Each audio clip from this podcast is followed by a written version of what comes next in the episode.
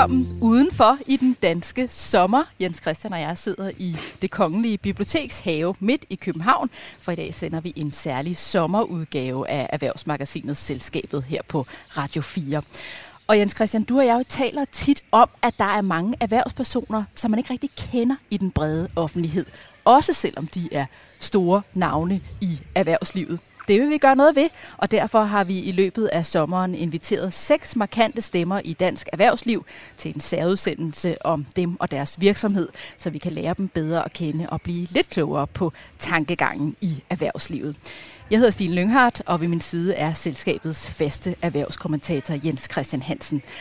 Og Jens Christian, lige om lidt skal vi afsløre, hvem vores gæst i dag er. Men kan du ikke lige prøve først at give et par hints om, hvem det er, vi har besøg af? Jo, det vil jeg meget gerne, og øh, jamen, måske skal man lige sige, at vi sidder i øh, bibliotekshaven her midt i København, som du siger, og hvad er det lige ved siden af? Det er Christiansborg, og hvad er det lige bagved? Det er Søren Kierkegaard inde i haven, så vi er i godt selskab.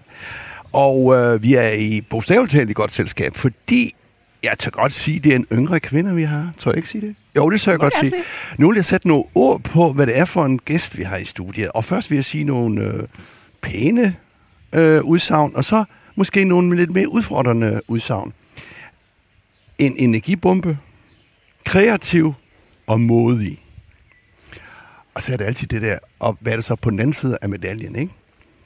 Utålmodig, uh, byråkrati erhvervs, altså hader byråkrati, og måske en lille smule enrodig. Uh, øh, en kvinde, som i sine unge dage, uh, tror jeg, led meget af ulængsel måske var lidt forvirret. Hvad skal jeg lave her i tilværelsen? Øh, søgte nysgerrigt, søgte, øh, hvor hun øh, skulle finde et stort sted, øh, og fandt så et stort sted i København. Selvom hun er et stort menneske, kosmopolit, og en, som øh, jeg tror, hans medarbejdere vil sige, det der med at sige, det der kan vi ikke løse, eller det kan vi ikke finde nogen løsning på, så siger hun, selvfølgelig kan vi det. Det er sådan et korte træk. Og nu må hun jo justere og, og sige, jeg fatter ikke en brik af noget som helst. det håber vi ikke. Jamen, så vil jeg sige, hej gæst. Kan du genkende de betragtninger, som Jens Christian kommer med her? Det kan jeg absolut. Der er mange af dem, der er rigtige. Ja, kan du prøve at uddybe det? Hvad er det for nogle, du særligt nikker genkendende til? Jamen, jeg er da både utrolig kreativ og utålmodig. Og øh, jeg er absolut egenrådig. Det skal man være, når man er single founder. Det skal man helt sikkert også være, hvis man vil gøre en forskel i verden. Så kan man ikke sidde og vente med at løse tingene. Man bliver til at gøre et eller andet, blive klogere, så gør det bedre. Vil du ikke afsløre, hvem du er? Jo, jeg hedder Frederikke, og jeg er founder og kreativ direktør i Rockamore. Frederikke Antonia Schmidt, vi skal, vi skal have det hele med. Ja, selvfølgelig. Fra Rockamore, en velkendt stemme i vores program, for du er jo fast deltager i erhvervspanelet i selskabet. Men i dag fokuserer vi altså udelukkende på dig, fordi vi synes, at du er en rigtig interessant og unik stemme i erhvervslivet. Udover at du har knoklet på for at få stablet din egen virksomhed på benene og udvide den, så bruger du faktisk også Rockamore til at sætte fokus på forskellige samfundsproblemstillinger og tage aktivt stilling og deltage i debatten. Og vi vil gerne høre mere om, hvorfor du bruger din virksomhed til det. Det vender vi tilbage til senere. Men Frederikke, lad os lige starte med at snakke om det sted, vi sidder lige nu. Vi sidder som sagt i det Kongelige Biblioteks have. En have, du kender rigtig godt. Hvordan kan det være? Jamen, øh, I bad mig finde et sted, hvor at, øh, jeg ofte kom for at finde ro. Og øh, kvæg det utålmodige er der ikke særlig meget ro i mit liv. øh, og det største rosted, jeg har, er nok øh, at stå på et subboard, og den var I ikke med på. Sådan en stand-up paddleboard. Der var noget med det der med at trække strøm ud på det der paddleboard, ja, der ikke rigtig gik. Ja, det siger jeg nu. Men jeg tænker, det kunne vi godt have løst. Men øh, tilbage til introduktionen. Men øh, så derfor endte vi her, det er Bibliotekshaven, og det er øh, et meget smukt grønt sted i Indre København, som... Øh, jeg virkelig elsker, og har brugt meget øh, tid i, fordi vi tidligere havde et kontor meget tæt på, som var meget lille. Og hver gang man så havde møder og telefonsamtaler, så øh, var det næsten federe bare at tage dem udenfor. Så jeg har haft virkelig mange møder og telefonsamtaler her. Men kan du mærke den der særlige energi, der er her omkring? Altså nu er jeg mm. lidt vild med politik. Uh, og Bare en lille smule? Ja, og derover har vi Finansministeriet, ikke? Uh, som sidder på pengekassen.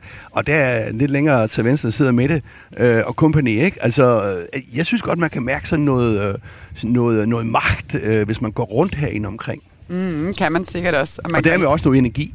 Ja, det er helt sikkert. Det er ikke den energi, jeg søger, når jeg kommer her. Jeg er mere fan af øh, gartneren, som øh, går rundt og sørger for, at alle blomsterne står rigtigt, og det lille springvand, fordi der er noget sådan fint ved den der rislende vandlyd, og så fuglefløjt.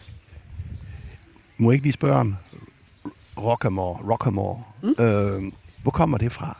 Jo, Rocca, det er et fort, og amore betyder kærlighed på italiensk.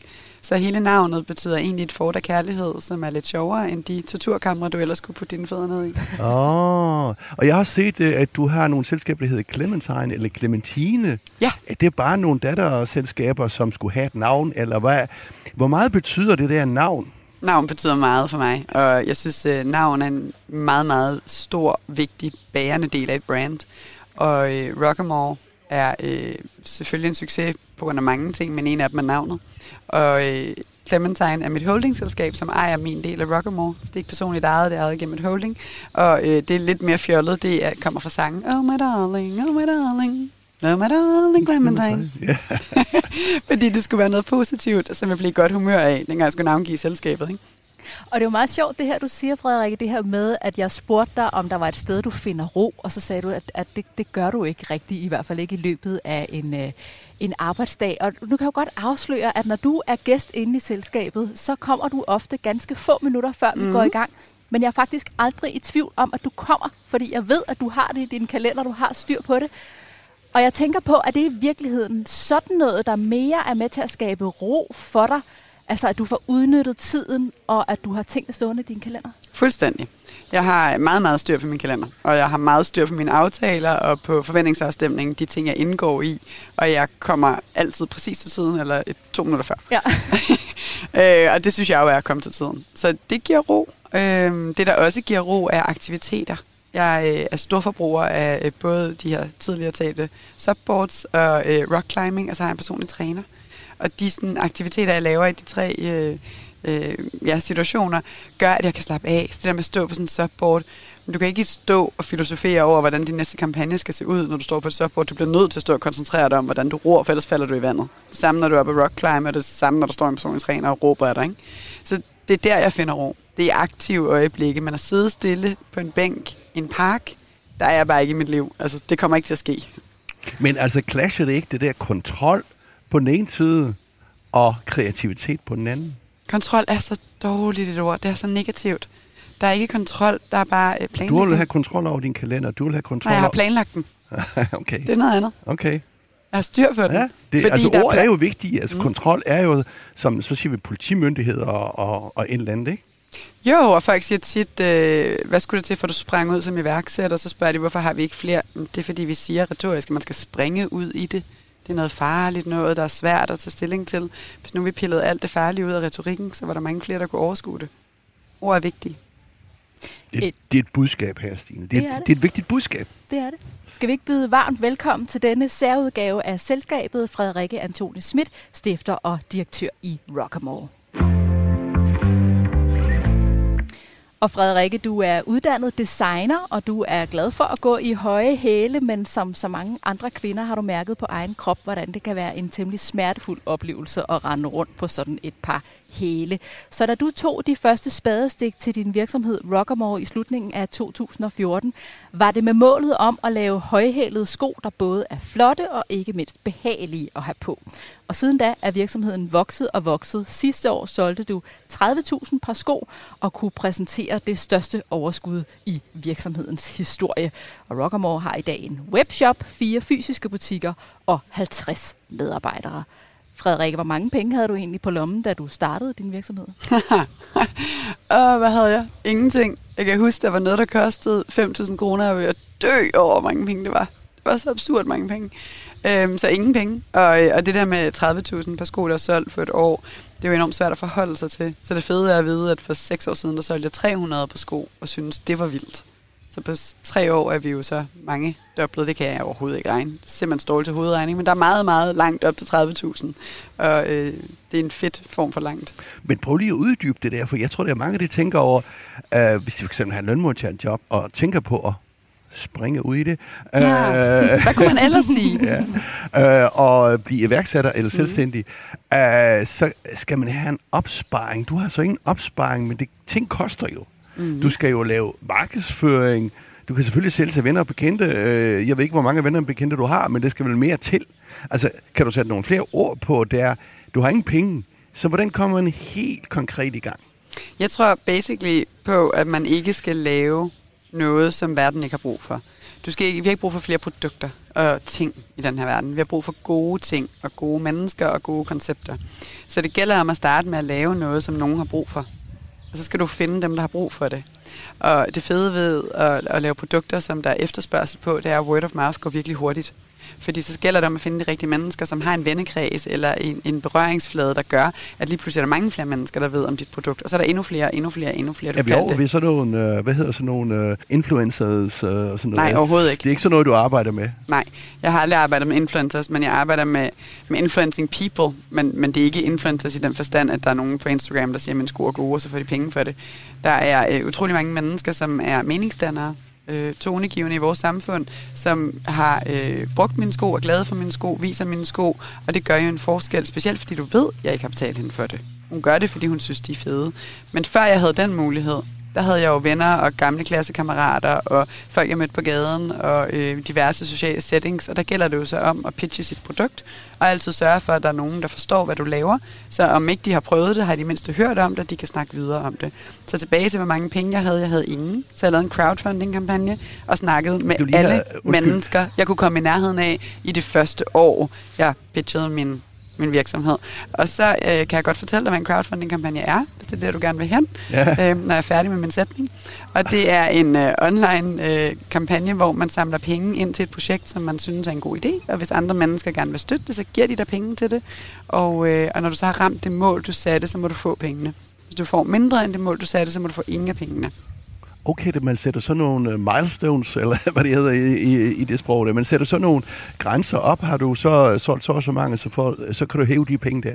Nej, du, du beder om et mål, så jeg bad om 150.000 kroner til at lave min første kollektion af sko. Og så øh, solgte jeg sko som det, der hedder en pledge, så du kunne købe skoene til en pris, jeg kan faktisk ikke huske, at de kostede 1000 eller andet, som er meget billigere end det, de koster i dag.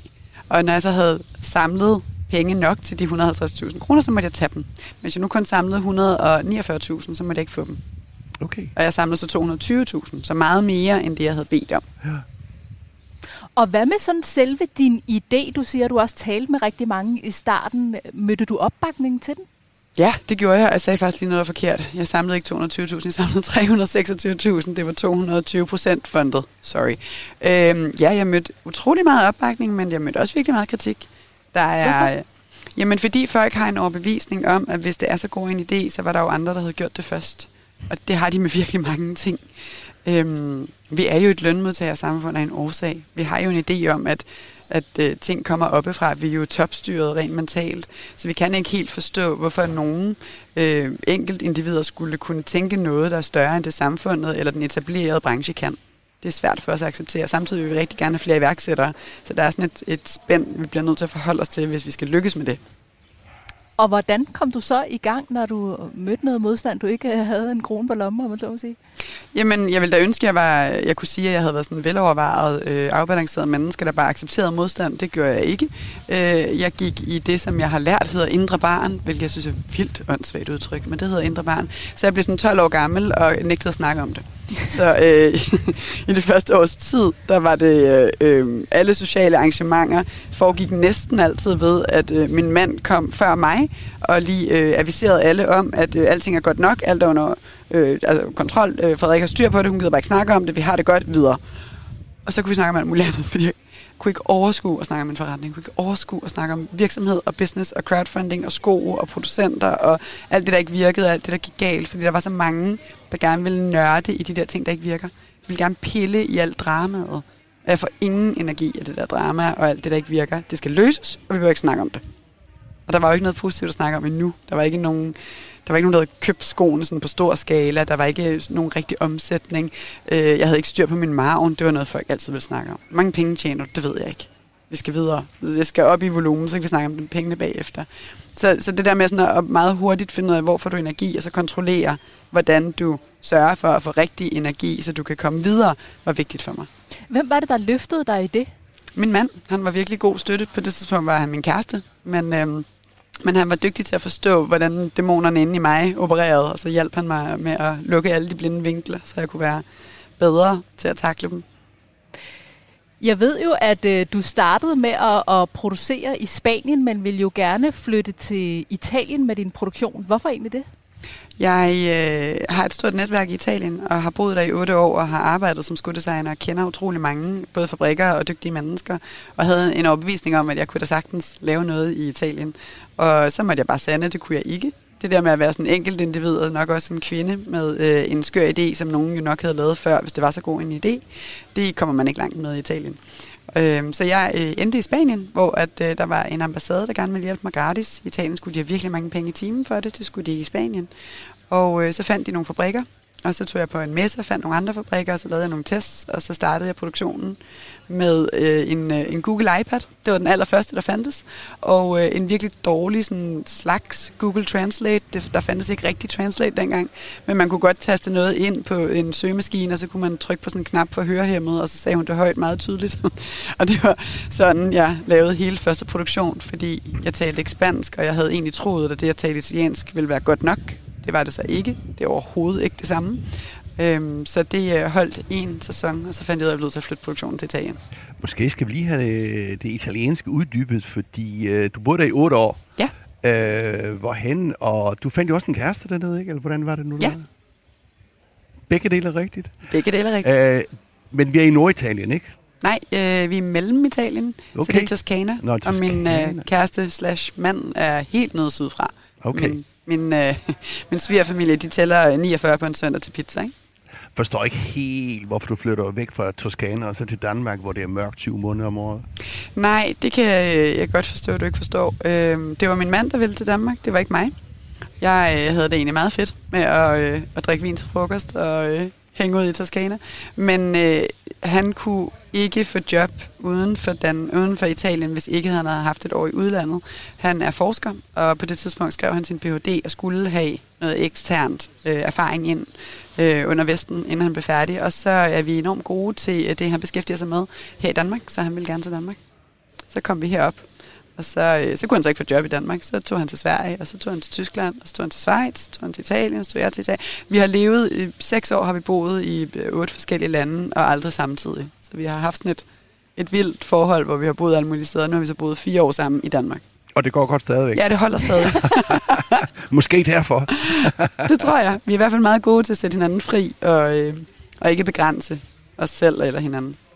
Men Frederikke, jeg ved, at du også er en type, der er rigtig god til at se muligheder frem Mhm. mm. for problemer. Øh, og jeg ved, det også lykkedes dig at flytte produktionen fra Spanien til Italien ved hjælp af et lille trick. Hvad Mhm. Ja. var det, du gjorde? Jamen, jeg havde flere, men jeg tror, det du øh, hentyder til, er nok øh, det mest toneangivende. Så da jeg startede i Italien med at prøve at lave en produktion første gang, inden jeg tog til Spanien, der fandt jeg ud af, at ingen, at ingen troede på mig, øh, og at ingen ligesom øh, var med på det her med, at man godt kunne lave et brand af behagelige høje hæle, og at man godt kunne tage, basically jeg har bare taget den der sportssål, der er i sneakers og puttet ned et par høje hæle, at gøre det, det, det var der ikke nogen, der troede på, man kunne. Nå, og så røg jeg til Spanien, og så skulle jeg jo tilbage til Italien. Og hvordan gør man så det? Jeg byggede en historie op om, at øh, jeg arbejdede for et dansk brand, som forresten var kæmpestort, og, øh, og havde hovedkontor heroppe i København, og der sad en, øh, en stor mand med en masse penge, som virkelig vidste, hvad han lavede, og det havde han gjort i mange år. Og øh, vi var så i gang med, at jeg var blevet hyret til at flytte hans produktion fra Spanien til Italien, og øh, den var kæmpestor, og det jeg havde tænkt mig at gøre, var at udvælge fem fabrikker, og så give dem en lille bid hver. De fik 300 par hver, og så kunne vi se, om de kunne finde ud af det. Hvis de kunne, så kunne jeg give dem lidt mere og lidt mere, og så kunne vi langsomt vælge vores fremtidige samarbejdspartner. Og så øh, flyttede jeg hele min produktion fra Spanien til den her ene fabrik i Italien. Og de fik alle mine tre, jeg tror faktisk, der var 400 på sko, og jeg synes, det var så mange sko. De fik dem alle sammen, og der var ikke nogen andre fabrikker. Og øh, så håbede jeg bare, det gik. Og det gjorde det. Og så kom jeg tilbage og lagde en lidt større ordre, og en lidt større ordre, og en lidt større ordre, og fortalte ham sandheden sidste år, hvor til han var stille i et helt minut og sagde, det behøvede vi ikke snakke om igen. Frederikke, da du så fik produceret de første sko, og du første gang så dine sko på en anden kvinde, hvordan var det for dig? Fuldstændig fantastisk. Det her med at møde et menneske, som jeg ikke kender, eller som ingen jeg kender kender, havde købt mine sko og havde dem på i sådan en valgfri, almindelig hverdagssituation, var helt vildt. Øh, det var nok der, jeg først rigtig realiserede, at der er nogen, der tror på det her. Der er nogen, der køber det, der kan være en forretning i det. Øhm, og det var en pige, som sad på en cykel ved, øh, ved øh, Dronning Louises bro, og øh, jeg øh, lykkedes med at øh, møde hende, eller ikke engang møde hende. Jeg så hende, da min cykel holdt stille, øh, lige bag hendes cykel, og så tænkte jeg, uh, for pokker, det er mine sko. Nej, var det vildt, det er mine sko. Og så mens jeg havde sådan et helt sådan, ah, øjeblik, så kørte hun jo. Og øh, det var så der, jeg realiserede, at jeg blev nødt til at have et billede af det her. Og så kørte hun bare virkelig hurtigt. Altså sådan virkelig, virkelig hurtigt. Så jeg fangede den først helt ude ved øh, runddelen, Øh, så fra Dronning Louises bro til runddelen, der jagede jeg efter den her stakkels dame, som jo sikkert langt. bare... Det er, det er langt. kilometer. Ja, hun har sikkert bare kørt hurtigere, fordi hun så den der tørse, der sådan prøvede at køre op på siden af hende og tage et billede af hende hele vejen. Men det lykkedes, jeg fik et billede af hende og kom en time for sent til et møde, men utrolig stolt over min succes. Og hvad sagde hun til, at du havde jagtet hende sådan? Hun sagde ikke noget, og jeg ved ikke, om hun lagde mærke til det, jeg har tit tænkt på, at jeg burde egentlig have sagt noget, men jeg var bare så øh, sådan flabbergasted over, at der var nogen, der havde mine sko på. Helt Øh, tosset. Øh, er det nogen, du helst ikke ser i dine sko? Altså, jeg ved godt, man kan gå ind og købe dine sko, øh, og så kan man jo tage dem, og så kan man bruge dem til, hvad man vil. Men er det nogen, du helst ikke ser i dine sko? Nej, overhovedet ikke. Mine sko er jo lavet ud fra et behov, som andre mennesker har. Jeg skaber noget, som andre mennesker efterspørger, og jeg bruger utrolig meget energi på at finde ud af, om jeg gør det rigtigt og godt nok, og hvad jeg kan gøre bedre. Jeg, jeg er kun glad, hvis du har mine sko på. Siden du startede, Frederikke, så er du jo vokset og har også udvidet antallet af butikker. Du har nu tre i Danmark, og midt under coronakrisen åbnede du din første butik i udlandet. Det var i Oslo. Hvordan Mhm. var det? Det var øh, meget angstprovokerende. Jeg tror, det er det vildeste, jeg har prøvet indtil videre, i hvert fald i stor skala. Øh, Kickstarter var også vildt, den her online-platform, for der var jeg helt alene og anede ikke, hvad jeg lavede. Men, øh, men det her med at gå ind i et nyt marked i en, øh, en pandemitid var fuldstændig åndssvagt. Og øh, jeg er glad for, at vi gjorde det, men, men det var meget risikabelt. Vi er endte med at lege en butik, som øh, jeg ikke kunne se, fordi vi kunne ikke komme ind i landet. Der var jo lukket. Altså Norge lukkede jo ned i, i hele lockdown-perioden. Og øh, det endte jo så med, at jeg måtte se den her butik på FaceTime med en øh, lokal agent, som jo selvfølgelig gerne ville have sit cut. Så han var da interesseret i, at jeg lejede butikken i øh, en by, jeg aldrig har været i, i en gade, jeg kun kunne se på Google Maps med nogle billeder, der er et, hvad, fem år gamle. Men øh, det lykkedes, og så underskrev jeg en femårig kontrakt, og, øh, og har en butik i Oslo. Heldigvis så endte det godt, for det var en meget, meget smuk butik, og den sælger også ret godt. Og nu står du så her i dag. Du har etableret et brand, en webshop, butikker i både Danmark og Norge. Så hvis du med den viden, du har i dag, skulle give et godt råd til dig selv dengang, hvad vil du så sige til nystartede Frederikke? Jamen, øh, jeg brugte utrolig meget energi i starten på at øh, gøre det, som jeg troede andre ville gøre i min situation. Så jeg var meget, meget usikker på, hvordan er man iværksætter, og øh, hvad er en god iværksætter, og hvad er det for nogle, hvad er det for nogle øh, beslutninger, man skal tage. Og der er jo det der med erfaringer, at man kan kun lave dem selv. Du kan ikke bruge andre menneskers erfaringer en til en. Du kan godt lære fra dem, men du kan ikke ligesom tage dem til dig og gøre det samme, som de ville have gjort. Men det troede jeg, man kunne. Så jeg øh, tog mange beslutninger baseret på ham her eller hende her. Hvad ville hun have gjort i denne her situation? Og så gjorde jeg det. Og så gik det næsten altid galt. Og så brugte jeg virkelig meget tid på at slå mig selv oven i hovedet og være meget sur over, at jeg ikke havde gjort det på min måde, fordi jeg havde stadig en overbevisning om, at det ville så være gået rigtigt. Øh, så det var sådan en never ending, never winning situation. Og på et eller andet tidspunkt, så landede jeg et sted, der hedder, det gør simpelthen for ondt at blive ved med at gøre det, de andre ville have gjort op i mit hoved, eller det, jeg troede, de ville have gjort. Og så fejle med det, så jeg bliver nødt til at gøre det, jeg selv vil gøre. Og hvis jeg fejler, så fejler jeg i hvert fald på en måde, så jeg lærer af det og gør det bedre næste gang. Og så begyndte det at gå bedre, og rigtig godt faktisk. Og mange af mine beslutninger viste sig at være 100 gange bedre, end dem jeg tog tidligere, fordi det var mine. Og det var min mavefornemmelse, det var baseret på, hvad jeg havde behov for, og jeg kom meget, meget længere. Jeg havde behov for den rejse for at lære det, men hvis jeg skulle tilbage og sige noget til mig selv, så tror jeg, get there faster, altså kom hurtigere derhen, hvor du stoler på dig selv, og øh, få hurtigere lyd for din egen mavefornemmelse, fordi det er den, der skal bære dig fremad. Hvis jeg nu kommer med en pose penge, Frederikke, Ja. kan jeg så købe din virksomhed, eller kan jeg blive investor, sådan en løve fra løvens hule? kan jeg købe din virksomhed? Nu er der også stor forskel på løvens hule og på investorer in real life. Men øh, nej, du kan ikke købe min virksomhed. Øh, du kan måske godt få lov at blive investor, vi skal rejse penge snart. Men du skal jo vækste, altså, du skal jo vokse. Ja, men jeg har været dygtig til at vækste organisk. Jeg tjener okay. penge. Jeg har tjent penge siden år to, og jeg tjener penge nok til at investere i min vækstbehov. Øh, behov. Så du har øh, mulighed for at være kritisk i din udvælgelse af investorer. Ja, og det har jeg også været. Jeg har rejst penge fire gange, og vi har købt folk ud to gange, så jeg er utrolig kritisk omkring, hvordan jeg bygger en investorkreds, og hvem det er, jeg gerne vil have med. Og det er jeg, fordi jeg øh, hele tiden ser folk omkring mig, der tager de forkerte beslutninger, og låser sig i samarbejder med mennesker, de ikke, de ikke respekterer, eller de ikke kan arbejde sammen med, og nu ikke kan komme ud af.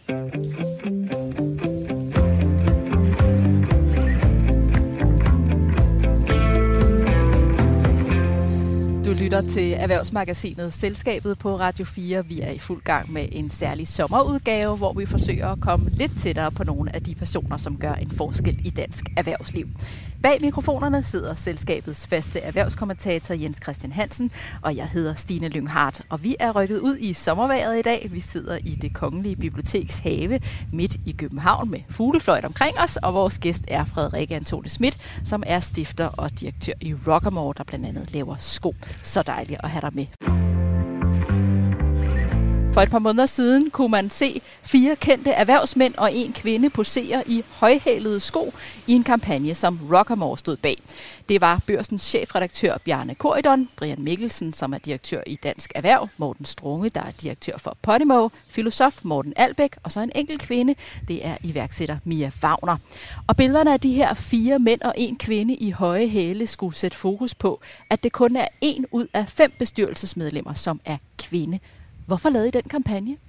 Jamen, fordi det handlede om at sætte fokus på lige præcis det, du siger, at vi skal have flere kvinder i bestyrelser. Og øh, hvorfor skal vi det? Det er, fordi vi skal have flere kvinder i ledelse. Hvorfor skal vi det? Fordi det skaber et federe samfund. Det skal vi snakke om. Det synes jeg ikke, vi havde lykkedes med som samfund at snakke om indtil da. Så ville jeg gerne lave noget, der larmede, og det synes jeg, jeg gjorde. Men hvorfor bruger din virksomhed til det? Jamen, fordi Rockamore handler om at inspirere kvinder til at stå stærkt og tage deres plads i verden. Det er øh, min mission i livet at lære det, og øh, det er øh, mit håb at lykkes med at inspirere det til andre kvinder. Der er rigtig meget af den moderne ligestillingskamp, som jeg synes handler om, at vi skal tage mere af den verden, vi gerne vil have. Heroppe i Nordeuropa, der har vi virkelig mange muligheder. Og hvis vi gerne vil have mere løn, så skal vi sige det højt. Hvis vi gerne vil starte en virksomhed, skal vi gøre det. Og hvis vi har en ambition, så skal vi gå efter den. Men, men, men Frederikke Bjarne Korydon mm. i højhældet sko. Altså, det så altså ikke særlig godt ud. Men jeg må indrømme, og det skrev jeg også på de sociale medier, at det var en fed måde at skabe opmærksomhed, fordi vi snakkede jo om ligestilling. Uh, og så glemte man måske sådan en lidt uh, tung mand i sådan nogle elegante sko. Ja, altså nu handler det jo øh, meget sjældent om, hvordan folk ser ud i mine kampagner, og øh, jeg synes absolut heller ikke, det handler om, hvem der er pænest i skoene. Når det så er sagt, synes jeg faktisk, Bjarne var fabelagtig i skoene, men, men det er en anden side af sagen. Det, der var vigtigt for mig, var at skabe, skabe debat, og hvordan skaber man debat? Det gør man ved at provokere ved noget, og, øh, og ture og være lidt trodsig omkring øh, de stemmer, der allerede er i en, jeg synes, at det var en mere eller mindre ikke, ikke eksisterende debat. Og øh, de mennesker, jeg valgte, var dem, der helt sikkert kunne sætte mest brænde på bålet. Men hvad har responsen så været? Du, du har selvfølgelig fået en masse kommentarer, går jeg ud fra. Mm-hmm. Men er du blevet sådan øh, indkaldt til nogle foredrag, eller kom og sige noget om, øh, om det emne, eller, eller hvad har responsen været sådan øh, bredt over en øh, fed kampagne? Altså, jeg har været utrolig stolt af, at 3,3 millioner mennesker har set kampagnen. Det er fuldstændig absurd, at der er så meget traction på en kampagne, der er lavet, altså lille Brands of vores, og, øh, og med ikke et særligt stort marketingsbudget. Så vi er jo lykkedes med at komme langt ud. Det, som øh, var min mission og har været min mission med Rockamore de sidste par år, det er at skrive mig selv mere eller mindre ud af ligningen. Jeg synes, det er spændende at være med til at bygge et brand, som skal være tonegivende i en debat, der er virkelig vigtig for mig og for rigtig mange. Men det skal ikke handle om mig. Så min, øh, min måde at sætte fokus på andre øh, er at skabe det her personer, der hedder Rockamore Rebels, hvor vi snakker om øh, seje mennesker, som tør at stå op for det, de tror på. Og så bliver det deres historie, der bærer en kampagne eller en debat. Og det var det samme tilfælde her. Så kan vi diskutere, om de var rebels eller ej. Men de var i hvert fald dem, der var de toneangivende i debatten. Det var dem, der løftede agendaen. Det er dem, folk gerne vil snakke med, og det var sådan, det skulle være. Havde de selv nogle, øh, hvad skal man sige, øh, betænkeligheder ved at og hobby øh, højhældesko. Øh, og et, et klassisk mandesæt, øh, mandejakkesæt, hvis jeg husker det ret. Det tror jeg, du må spørge dem om. det må vi gøre i næste program. Frederik, jeg har hørt dig flere gange sige, at du faktisk er rigtig træt af at tale om køn. Mm. Men det gør du jo her. Og er det fordi, at vi ligesom er nødt til at tale om køn, før at vi ikke taler om det? Lige præcis. Der er øh, utrolig meget øh, debat omkring de her kvoter i bestyrelser, og skal vi begynde at sætte regler på, hvor mange der skal være i en bestyrelse og en ledelse osv.? Øhm, er det ikke lidt børnehaveagtigt og lidt handicapagtigt, at vi har behov for at nominere det? Og jo, selvfølgelig kan vi da godt lande et sted, hvor der hedder, det er da virkelig ærgerligt, at vi skal have tal på og kvoter på, på køn. Men, men hvis ikke vi gør det, så kommer vi bare ikke videre. De sidste mange år, over et årti, 10, har vi jo stået stille i den her debat, og det går tilbage. Der er flere kvinder, der er mindre undskyld ikke flere, der er mindre kvindelige iværksættere, der er mindre kvindelige bestyrelsesmedlemmer, der er mindre kvinder i topledelse. Fordi vi ikke taler om det. Og lige nu, hvor kønsdebatten er så vigtig, så tør vi at tale endnu mindre om det. Og derfor bliver vi nødt til at gøre det. Men hvilken forskel tænker du, det gør, at du laver sådan en kampagne her med din virksomhed? Jeg håber, at det inspirerer til, at man kan tænke løsninger. Jeg synes, vi skal snakke om kvoter i bestyrelser, fordi jeg synes, vi skal snakke om kvinder i ledelse det er ikke så meget bestyrelserne for mig, der er vigtige. Det er selvfølgelig fedt at have en fed bestyrelse, men det er ikke det, der kommer til at ændre samfundet, eller ændre kønsbalancen, eller, eller gøre noget for ligestilling. Det gør kvinder i ledelse til gengæld, for hvis du bliver tvunget til at sætte kvinder i ledelse, så bliver du tvunget til at kigge på din virksomhed. Hvordan får du kvinder op i ledelse? Hvordan løfter du dem op til det sidste niveau? Hvad skal der til? Der er helt sikkert noget barsel, der skal snakkes endnu mere om. Så er der noget frihed og en måde, man arbejder på. Så er der nogle udfordringer, nogle bonusser, hvad der hurtigt vil løbe, og noget performance. Der er alle mulige elementer, vi bliver nødt til at snakke igennem, hvis vi skal have kvinder op i topledelse. Og det bliver vi jo nødt til, hvis vi nominerer, hvor mange kvinder vi skal have i bestyrelsen, fordi ellers så får du ikke det sidste skridt.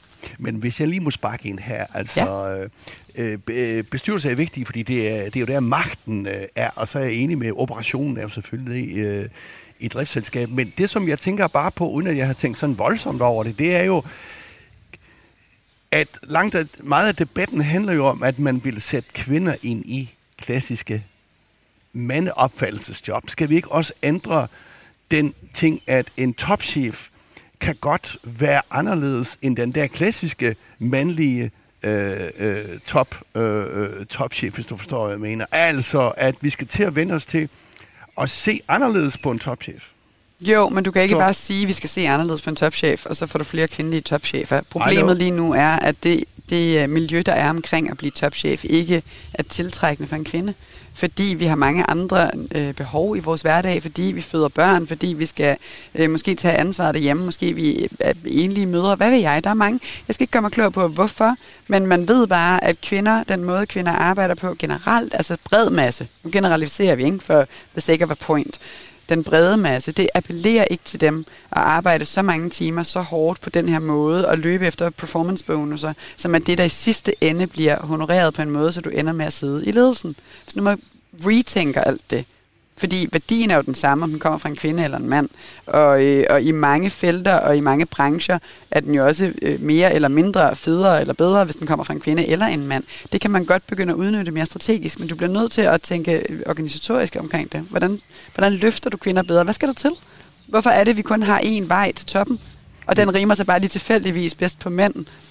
Nu kender jeg øh, en topchef, øh, du kan også godt sætte navn på, Stine Boss, der hun er topchef i Tryk, rimelig stor virksomhed, faktisk mm. Nordens største virksomhed. Mm. Hun sagde på et tidspunkt til sin øh, formand, jamen onsdag eller hvornår der var, tirsdag eller hvornår der var, der vil jeg gå klokken 3, for der vil jeg hente mine børnebørn. Punktum. Okay, kan en topchef i en milliard, milliard, milliard virksomhed gå klokken 3? Ja, det kan hun. Det kunne hun øh, fordi man planlagde sig ud af det. Altså, det er jo også noget med at skubbe til nogle normer, men det er vel også det, du siger. Det kan Stine Børse jo gøre, fordi hun har en tyngde i den, hun er. Hun var jo topchef på det tidspunkt. Det er rigtigt. Hun er jo selvrealiseret på en måde, der gør, at hun har selvtilliden til at sige, jeg går klokken tre. Det er du jo ikke, når du kæmper for at komme derop. Der har du jo en meget mindre selvfølelse, ja, selvværd omkring, hvad du kan tillade dig. Så det, jeg tror ikke, det handler om at planlægge sig ud af det. Det handler om at opnå nok i sit liv, til man er selvsikker omkring, hvad man må og ikke må. Frederikke, som du også selv nævner, så kom du jo bredt ud med den her kampagne. Øh, der var mange, der var inde og øh, kommentere, øh, har jeg også set på LinkedIn for eksempel. Nogle synes, det var super fedt, mens andre stillede spørgsmål til, hvorfor bestyrelsesmedlemmer i det hele taget skulle have en bestemt slags sko på, og hvorfor var det lige præcis de her mænd, som blev valgt, fordi de selv kommer fra bestyrelser med meget få kvinder. Hvordan er det for dig at stå midt i det her, som jeg tænker må være en meget hektisk periode for dig? Mm. Øhm, svært er det ærlige svar. Jeg troede, jeg var øh, øh, sådan sejere, end jeg var. altså sejere, sådan havde mere hård hud, end, end jeg havde. Øhm, fordi jeg regnede ikke med, at det ville påvirke mig så meget, som det gjorde. Jeg har jo selv skabt den her debat, jeg har selv skabt det her ballade. Og jeg vidste godt, at vi ville ende her. Jeg ved jo godt, hvad for nogle bestyrelser de mænd kom fra. Jeg ved jo godt, hvor de sad, og jeg ved udmærket godt, hvor mange eller hvor få kvinder, der er i de bestyrelser. Jeg ved bare også godt, at der er en årsag til, at det ser sådan ud. Og så synes jeg, at det her er det mest korrekte billede på, hvordan det ser ud generelt i Danmark i dag. Og det var jo det, jeg gerne ville. Jeg ville jo gerne udstille, hvad er det for en situation, vi har i dag, og hvad skal vi så gøre ved den. Så jeg vidste godt alt det her med mit intellekt og, og med min erfaring. Øh, følelsesmæssigt vidste jeg det bare ikke. Så øh, jeg synes, det var øh, helt vildt hårdt, og jeg tror, jeg havde det fuldstændig som det barn, der sidder og græder inde i tunnelen yeah. lige nu. Yeah. Øh, at øh, jeg meget gerne bare vil grave mig ned og øh, ligge og græde over i sofaen, fordi der var så mange, der gik personligt til mig. Det blev meget hurtigt en diskussion om mit intellekt og om øh, min kunden og gøren og min erfaring, frem for hele bestyrelsesdebatten. Og det havde jeg ikke regnet med får det der så til at tvivle på at gå ind i de her problemstillinger? Fordi det er jo heller ikke første gang, vi ser dig og din virksomhed gå ind i de her problemstillinger. Kommer du i tvivl, om du overhovedet skal gå ind i det? Nej, overhovedet ikke. Jeg skal bare bruge lidt længere tid på at slikke mine sår. må, jeg, må jeg lige høre dig, fordi har du Altså, hvem er din nærmeste rådgiver? Din mand, øh, som du sagde tidligere, og jeg ved også, din mor øh, er tæt på. Øh, men hvis man kommer længere op, så er der nogen, der har rådgiver. De har måske mentorer, og det betaler store virksomheder en formue for at knytte nogle konsulenter, og hvad de hedder. Altså, altså hvem er din rådgiver, som siger til dig, prøv nu lige at høre en gang, øh, Frederik, det der, det er helt hen i skoven, eller har du tænkt, eller tænkt over det der, eller mm. et eller andet, ikke? Har, ja. du, har du overhovedet nogen? Nej. øh, jeg har et dygtigt menneske omkring mig, og øh, jeg øh, har mennesker, der kan forskellige ting. Så når jeg udvikler branding-kampagner, så har jeg en dygtig mand, der hedder Jakob, som jeg snakker rigtig meget med. Når jeg udvikler butikker, har jeg en dygtig mand, der hedder Simon, som jeg snakker rigtig meget med. Når jeg laver mine billeder, så har jeg Marie. Så jeg har ligesom folk omkring mig, der er rigtig dygtige på et felt. Men jeg har ikke nogen, der sådan overall kan se the big picture og hjælpe mig med at være oppe i helikopteren og tage de rigtige beslutninger fremadrettet. Jeg har heller ikke nogen, der rigtig hjælper mig med at stå fast, når der er modvind øh, på den måde, som der var i den her kampagne. Og øh, det var også noget, jeg fandt ud af, at det skal jeg da have. Øh, det jeg gjorde, var at ringe til Bjarne Køjderen, og, øh, og, og sådan helt bævende underlæbeagtigt spørge, om han var sur på mig, fordi alle nu råbte af ham, om at han ikke havde nok kvinder i sin bestyrelse øh, på de sociale medier, hvor, han til, hvor til han svarede med den mest rolige stemme nogensinde, Frederik, at man kan jo ikke mærke, at man har været der, hvis man ikke har larmet. Godt så. Okay. Og så slappede jeg igen og tænkte, det har du ret i. Man skal larme, fordi ellers kan man ikke mærke, at man har været i verden. Og vi vil jo alle sammen gerne kunne mærke, at vi har været her. Og de her emner, du vælger at sætte fokus på, er det noget, som øh, du ligesom vælger ud fra din mavefornemmelse, eller hvad er det, du vælger at gå ind i? Nu er jeg jo født trodsig, trodsigt barn, så jeg kan rigtig godt lide at stikke mine fingre ned i de der vipsereder, ingen rigtig kan overskue at tale om. Og det var også derfor, vi endte i bestyrelsesdebatten. Så jeg har nok et, et, øh, naturligt, øh, en naturlig interesse i at gå den vej, hvor at øh, de andre går, den, går væk fra og går den anden vej. Men når det så er sagt, så er det, der interesserer mig, og det, som Rockamore er bygget på, er hele ideen om at stå stærkt og tage din plads i verden. Så jeg kæmper for kvindedebatten, det lyder åndssvagt, ligestillingsdebatten, øh, for at blive fri for kønnet. Så jeg kæmper for ligestillingsdebatten, men jeg kæmper også for alle de dele af den, som manifesterer sig i hverdagen. Altså de små ting, bitte små ting. Hvordan er det, man opdrager andre mennesker til at behandle dig på den måde, du gerne vil behandles på? For det er jo mit ansvar, at I ved, hvordan jeg gerne vil snakkes til, eller at I forstår, hvad det er, vi skal her i dag fra mit synspunkt. Det er jo vigtigt, at jeg formår at sætte det på agendaen. Jeg kan jo ikke bare sidde stille og vente på, at I forstår det, uden at jeg har sagt noget. Så der er rigtig meget af det her, der handler for mig om, hvordan man sådan kan tweake sin egen virkelighed til at få det resultat, man gerne vil. Men det kræver, at man er modig, og man tør. Og det gør man meget lidt. Det gjorde jeg i hvert fald meget lidt, før der var nogle andre, der havde gjort det først. Må jeg lige spørge, altså tidligere snakker du om det, om det der, at sprog, ord, øh, betegnelse betyder noget. Ja. Nu ser du selv trodsig. Ja. Hvis jeg så siger stedig, det er ikke helt de samme ord. Nej. Trodsig er lidt positivt lavet ord, fordi energi og sådan noget. Stedig, det er et negativt ord. Ja, Men det de betyder jeg. lidt det samme. Det gør det. Stedig for mig betyder, at du holder fast selv, når du skulle give slip. Trodsig betyder, at du går imod noget. Okay, så har hun også svar på det. det var en meget god beskrivelse, sådan set. Hvis vi bare lige skal prøve at nævne kort nogle af de andre kampagner, I har kørt, så har det været, at I har været ude og slå på tromme for retten til at gå klædt, som man har lyst. Der havde I blandt andet en kvinde iført hijab på jeres reklamer, øhm, og I har også talt for retten til at være den, man er, og rumme hinanden, uanset, køn og seksualitet. Og senest har vi faktisk set din egen mor på store plakater mm-hmm. under overskriften Moms Rock. Hvorfor lige præcis øh, de kampagner? Ja, altså vores julekampagne øh, havde det mundrette navn All I want for Christmas is the right to wear whatever makes me comfortable. Og comfortable er selvfølgelig, fordi det er comfortable high heels, og All I Want for Christmas er jo play på den der Mariah Carey-sang. Men, øh, men hele pointen var egentlig at tabe lidt ind i, i debatten om crop toppen. Det startede der. Hvordan er det, vi kan sætte det på agendaen igen til jul på en lidt mere øh, nuanceret måde, end det blev over sommeren. Der var den her debat om, hvad man må have på i skolen. Og, øh, og så startede med at finde en kvinde, der ville have crop top på på en plakat. Og så, øh, så fandt jeg en kvinde, der gerne ville have en, en gennemsigtig kjole på på en plakat. Og så øh, synes jeg ligesom ikke, det var nok. Og så fandt jeg en meget smuk kvinde, øh, der gerne ville have en hijab på på en plakat, hvilket faktisk er ret svært at, øh, at, at lykkes med, fordi at øh, man er bange for at blive øh, sat fast eller låst fast i et, i et bestemt, øh, en bestemt persona. Øh, og så fandt vi jo også en, en helt fantastisk mand, som øh, klæder sig fuldstændig, som han vil, og øh, jeg er faktisk ikke engang sikker på, om han identificerer sig som mand. Men, øh, men Nils og, øh, og de tre mennesker var så dem, der, der bar kampagnen og øh, tillod os, eller åbnede en dialog for os om, hvad er det egentlig, man må klæde sig i, og hvordan er det egentlig, du skal respektere mig, afhængig af, hvad jeg har taget på, og, øh, og hvad har man lov til, og hvad har man ikke lov til. Og et er så, at man sætter fokus på nogle forskellige problemstillinger i samfundet, men altså, handler det ikke også om at sælge sko? Selvfølgelig handler det om at sælge sko, ellers har jeg jo ikke råd til at betale for mine reklamer. så jo, der er... Sælger det sko? Det sælger sko, det ja. gør det da. Men øh, ikke en til en. Altså, der var forbavsende få mennesker, der ville eje en guldstøvle, der hed Bjarne. det, øh, det synes jeg ellers selv var, øh, var øh, noget så morsomt, men det må have været en insider joke for mig. Så øh, det sælger sko, men det sælger jo sko long term. Det er jo brand awareness. Så det handler jo om at bygge et øh, brand op, eller nogle fortællinger op, som du kan stå inden for, som forbruger gerne vil være med i. Og så når du har et behov, jamen så kommer du hos mig, fordi jeg er top of mind. Hvis jeg lige må springe lidt i det, det der, synes jeg er super spændende det her, for branding i gamle dage, det var jo sådan, synes jeg, tæt på markedsføring. Branding i dag er jo noget med værdier.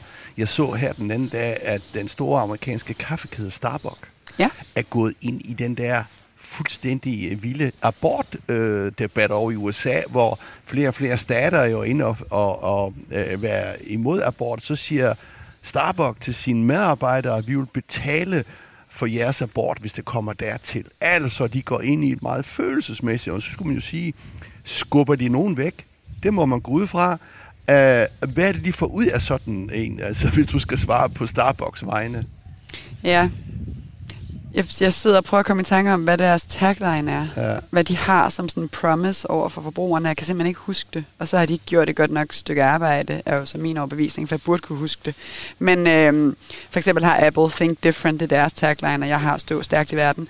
Der, brands har en tagline, og den tagline skulle gerne øh, videreføre. Ja, den skal matche, men den skal, den skal fortælle om din mission på en måde, sådan, så du ikke skal stille mig det spørgsmål. Det er åbenlyst, hvorfor de skal betale for deres medarbejders abort, fordi det passer ind i den persona, i den verden, i det univers, de har skabt. Jeg synes ikke, det der er åbenlyst, og jeg øh, kan ikke huske, hvad de står for. Jeg forstår ikke, hvorfor de vælger at betale for aborter lige nu her, fordi jeg har ikke læst og det er vel øh, indlæg i debatten i USA går ud fra. Jamen det er selvfølgelig også fint, men, men jeg skal ikke mene noget om ting, der ikke har noget at gøre med at inspirere kvinder til at stå stærkt, fordi det er det, mine sko handler om. Mine sko er så behagelige at gå i som overhovedet muligt, fordi høje hæle giver dig en følelse af magt. Når du har en følelse af magt, så kan du udrette mere, end når du ikke har en følelse af magt. Det er den her selvtillid. Og hvis ikke du har den, så kan du fake den, indtil du får den. Og det er det, mine sko kan være med til at løfte. Det er derfor, det handler om at inspirere kvinder til at stå stærkt i verden, i et par høje hæle allerhelst, men i dine flade sko, hvis du hellere vil det. Det gælder om at tage den plads, du gerne vil have. Så jeg kan se mit eget univers, at de kampagner, jeg bygger op omkring det, løfter min mission. Jeg kan ikke se Starbucks gøre det samme lige nu. Men er det nødvendigt i dag, at man som moderne virksomhed skal gå ind og tage aktivt stilling, skal have nogle holdninger? Altså, vi har jo også set hele det her med øh, Ruslands invasion af Ukraine, at der er mange, der vælger at forlade Rusland, og så er der enkelte, der holder fast. Det har vi jo for eksempel set Eko gøre. Det er de jo blevet straffet for af både øh, kunder og samarbejdspartnere. Er man simpelthen nødt til at have nogle klare værdier og, øh, og også gå ud og sige dem? Jeg ved ikke, om man er nødt til det, men jeg tror ikke, der er særlig mange af os, der køber produkter fra virksomheder længere. Vi køber fra mennesker eller fra værdier. Vi køber, fordi det er noget, vi gerne vil se os selv i. Det er en historie, vi forstår. Vi kan appellere, øh, nej, nej, ikke appellere, undskyld, vi kan appellere den til vores eget liv. Altså, vi har jo vores eget lille brand, Pustespil, kørende. Og det handler jo om, at jeg gerne vil sende nogle signaler til dig. Du skal se, hvem jeg er, før du har snakket med mig. Og det skulle du gerne kunne ved at afkode, hvad det er, jeg har på, eller hvad jeg har med mig, eller hvad jeg gør, eller hvad jeg siger. Det er jo mine gadgets og mine ting, der bygger min persona. Så det er jo vigtigt for mig, at det er de rigtige værdier, jeg udstråler. Så jeg tror ikke, der er særlig mange. Det er meget gammeldags, det her med at købe fra brands eller fra behov. Man køber egentlig historier, eller man køber fortællinger, eller man køber personer. Jeg kunne godt tænke mig lige at prøve at spørge dig, Jens Christian. Altså, gør det en forskel, at der er virksomheder, der går ind i forskellige problemstillinger? Altså for eksempel, kan Frederikke være med til, at der kommer flere kvinder i bestyrelser I med sin høj kampagne? grad, og det bliver vigtigere og vigtigere. Altså det der, som jeg hører Frederik sige, det er jo, kan man identificere sig med det produkt? Nu ved jeg ikke, om det også gælder for tandpasta og sådan noget, men i hvert fald uh, tøj uh, i udpræget grad, uh, der betyder det noget. Og virksomheder, øh, de skal tage ansvar nu om stunder. Altså det kræver, øh, det kræver kunderne, det kræver øh, leverandører langt hen ad vejen. Der er masser af eksempler på det. Så ja, det er en meget klar, øh, og jo klar du bliver på dine værdier og din kultur i en virksomhed, det er jo det, vi har snakket om den sidste times tid her, øh, jo, jo, øh, jo bedre tror jeg, du bliver til at sælge dit, at sælge dit produkt. Ikke? Hvis vi laver et øh, nyt program om dig og Rockamore om 5-10 år, det vil vi da gerne. Hvad vil det så komme til at handle om, Frederikke? Hvad er dine drømme for de kommende år? Ja, det er interessant, fordi jeg ret tit for øh, spørgsmål, der omhandler min baby. Og hver gang, der bliver jeg nødt til at sige, at det ikke er en baby, det er en business, og den skal blive kæmpestor. Så om 5-10 år, der er min virksomhed meget stor, og øh, den skulle meget gerne være et sted mellem 12 og 15 lande. Den skulle meget gerne have i hvert fald fem flagship stores i fem forskellige byer. Og så håber jeg, at vi har flere end det. Så den skal nok handle om, hvordan man går ind på det amerikanske marked. Eller også skal den handle om, hvordan man går ind i Japan. USA og Japan? Okay, men ja. det er jo nogle gange, øh, det har jeg da i hvert fald skrevet meget om. Altså danske virksomheder siger, okay, at der bor 300 et eller andet millioner i øh, USA, der bor 200 millioner i Japan, så det er et stort marked. Hokus pokus, så skal vi derover have det. Og så viser det sig, at hele verdens øh, leverandør er de to steder. Så det kan jo godt være hårdere at gå ind i USA end Danmark. Absolut, det er også derfor, vi først skal gøre det om 5-10 år. Der skal både penge og power og overskud til. Og learnings. Vi skal først vide, hvordan vi gør det. Lige nu er jeg i gang med at bygge et marked i Oslo, for at finde ud af, hvordan tager man et marked uden for Danmark. Det er monstersvært. Og vi bliver ved med at lave fejltagelser, det skal vi selvfølgelig også. Men det er dybt frustrerende. Det tager jo virkelig lang tid, fordi det er det første marked uden for Danmark. Det er en ting at bygge et brand i et hjemmemarked og en virksomhed, der tjener penge. Det er noget andet at gøre det i et marked, hvor du ikke selv er rent praktisk og fysisk. Du kan ikke øh, connecte med mennesker så let. Du kender ikke nogen. Du har ikke noget netværk. Du hører ikke jungletrummerne om de der små muligheder, der ellers ligger, som jeg gør i Danmark. Så hvordan gør man det? Når jeg ved, hvordan man gør det, så skal jeg rejse penge nok til at gøre det i fem andre markeder samtidig, forhåbentlig. Måske tre. Missionen er fem. Et eller andet sted mellem tre og fem. Så gør vi det. Når jeg har gjort det, så gør vi det i resten af de lande, der er tilbage i Europa, som jeg gerne vil være i. Når jeg har gjort det, så tænker jeg, at man skal ind til USA. Jeg ser mange, der brænder sig, hvis de går tidligere end det. Lige præcis. Øh, og hvis vi kigger frem i tiden der, er det så Frederikke, det sidder og har styr på alle tingene, altså hvis du skal vokse så meget der, eller har du hyret en, øh, en direktør, og så sidder du som formand, eller, eller har du et øh, delt nogle arbejdsopgaver, øh, arbejdsopgaver op? Jeg tror, at øh, det, man hører allermest, når man laver en virksomhed, det er, at man skal lære, hvad man er god til, hvad man ikke er god til, og man skal huske at sige det højt. Så det prøver jeg virkelig meget. Og øh, jeg har øh, sidste år, der ansat jeg Jens, som er øh, COO i virksomheden, og var tidlig investor, så han har faktisk været med hele vejen. Og nu er han så gået ind fuld tid. Jeg ansatte også Kenneth, som er Head of Retail, som også er investor, og nu er gået ind fuld tid. Og øh, de har taget rigtig meget af, øh, af de øh, arbejdsopgaver, som jeg ikke kan finde ud af. De er enormt dygtige til at løfte løfte på to forskellige måder, og inden for den driftsdel, som jeg ikke kan finde ud af. Så det er starten på det. Så har jeg nogle andre dygtige mennesker, der løfter produktion. Det er og så har jeg Milena, der løfter al vores organisering osv. Så, videre. så der er masser af mennesker, der kan det, jeg ikke kan.